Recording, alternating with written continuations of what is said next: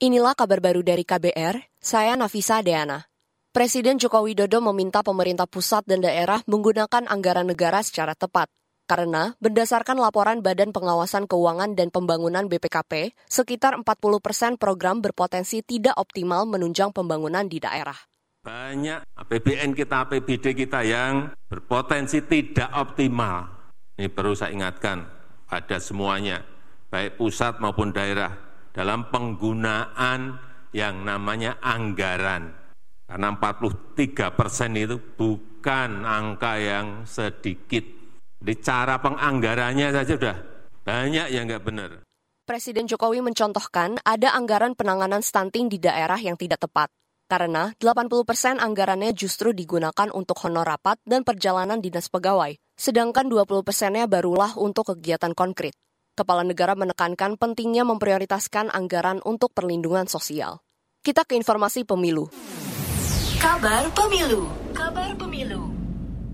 Dewan Pers mengingatkan lembaga penyiaran publik untuk menjaga independensi di momen pemilu 2024.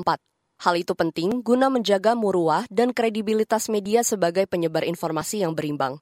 Anggota Dewan Pers Asmono Wikan mengatakan media jangan sampai terseret dalam polarisasi politik yang memihak satu kandidat kami tentu mengimbau bahwa pada akhirnya kemudian publik juga akan melihat bahwa kalau media penyiaran ataupun lembaga e, penyiaran itu tidak independen, sesungguhnya nanti akan mempengaruhi opini publik terhadap lembaga penyiaran tersebut.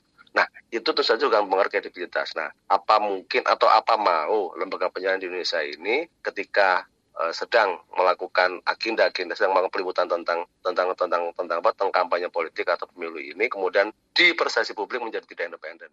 Anggota Dewan Pers Asmono Wikan menambahkan, lembaga penyiaran publik harus patuh terhadap Undang-Undang Penyiaran dan Undang-Undang Pers.